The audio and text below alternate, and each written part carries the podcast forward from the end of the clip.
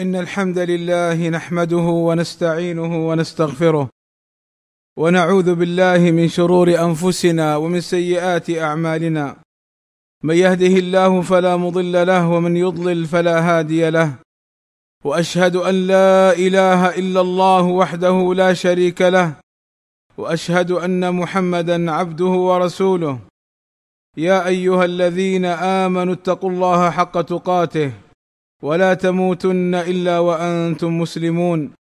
يا أيها الناس اتقوا ربكم الذي خلقكم من نفس واحدة وخلق منها زوجها وبث منهما رجالا كثيرا ونساء. واتقوا الله الذي تساءلون به والأرحام. إن الله كان عليكم رقيبا.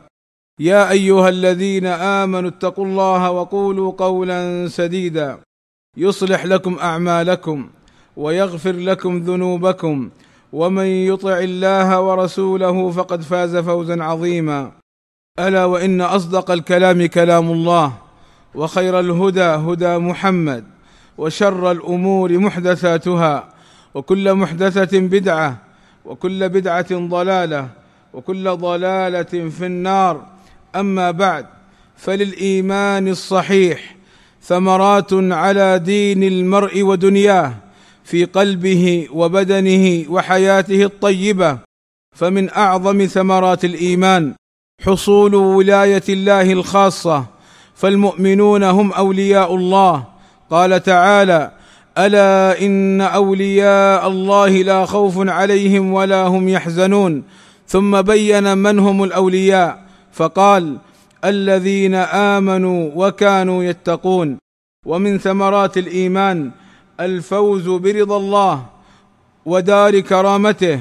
قال تعالى وعد الله المؤمنين والمؤمنات جنات تجري من تحتها الأنهار خالدين فيها ومساكن طيبة في جنات عدن ورضوان من الله أكبر. ذلك هو الفوز العظيم.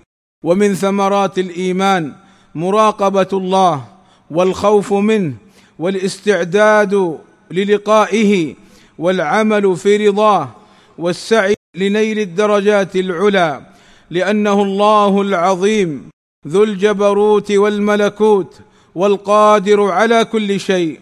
ومن ثمرات الإيمان اتباع النبي صلى الله عليه وسلم في أقواله وأفعاله وامتثال أوامره واجتناب نواهيه لأنه رسول من الله يبلغ عن الله ما أمر به عباده وما نهاهم عنه.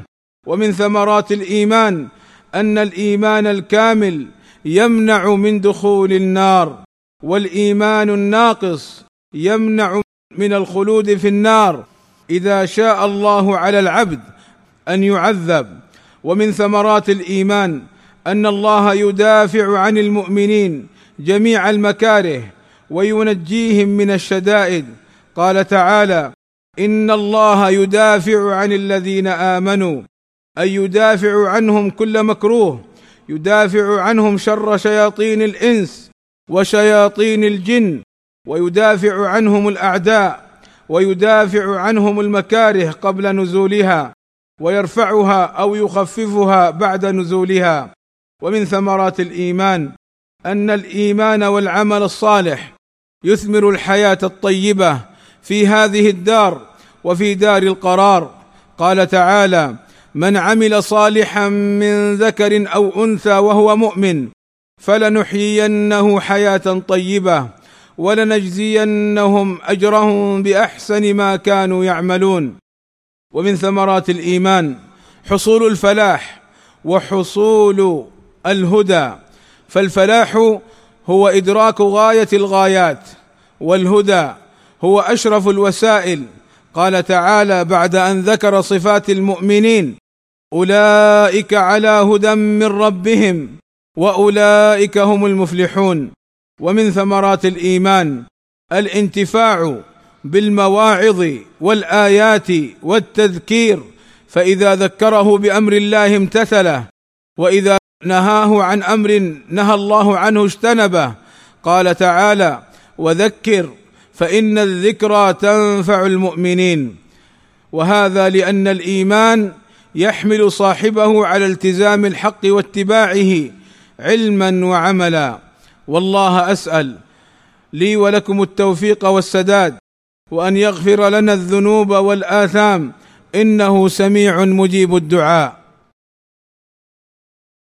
الحمد لله رب العالمين والصلاة والسلام على المبعوث رحمة للعالمين وعلى آله وصحبه أجمعين.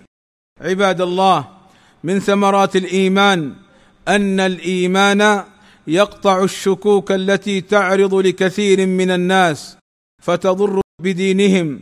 قال الله تعالى إنما المؤمنون الذين آمنوا بالله ورسوله ثم لم يرتابوا أي دفع الإيمان الصحيح الذي معهم دفع الريب والشك الموجود وأزاله بالكلية وقاوم الشكوك التي تلقيها شياطين الإنس والجن والنفوس الأمارة بالسوء.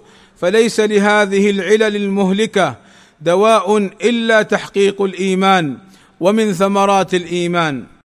أن الإيمان الصحيح يمنع العبد من الوقوع في الذنوب الموبقات المهلكات من الكبائر. قال صلى الله عليه وسلم لا يزني الزاني حين يزني وهو مؤمن. الحديث ومن وقع في الذنوب فإنه لضعف إيمانه وذهاب نوره وزوال الحياء ممن يراه. اللهم ارض عن الخلفاء الراشدين. أبي بكر وعمر وعثمان وعلي وعن جميع أصحاب النبي صلى الله عليه وسلم وعنا معهم بمنك وكرمك يا أكرم الأكرمين. اللهم آتنا في الدنيا حسنة وفي الآخرة حسنة وقنا عذاب النار. اللهم فرج همومنا واكشف كروبنا ويسر أمورنا. اللهم وفقنا للعلم النافع والعمل الصالح واتباع سنة نبينا محمد صلى الله عليه وسلم. اللهم اغفر للمسلمين والمسلمات والمؤمنين والمؤمنات الأحياء منهم والأموات. اللهم إنا نسألك الهدى والتقى والعفاف والغنى. اللهم وفق ولي أمرنا لما تحبه وترضاه. وأصلح اللهم به العباد والبلاد. واحفظه اللهم من كل سوء. وصلى الله وسلم على نبينا محمد وعلى آله وصحبه أجمعين. والحمد لله رب العالمين.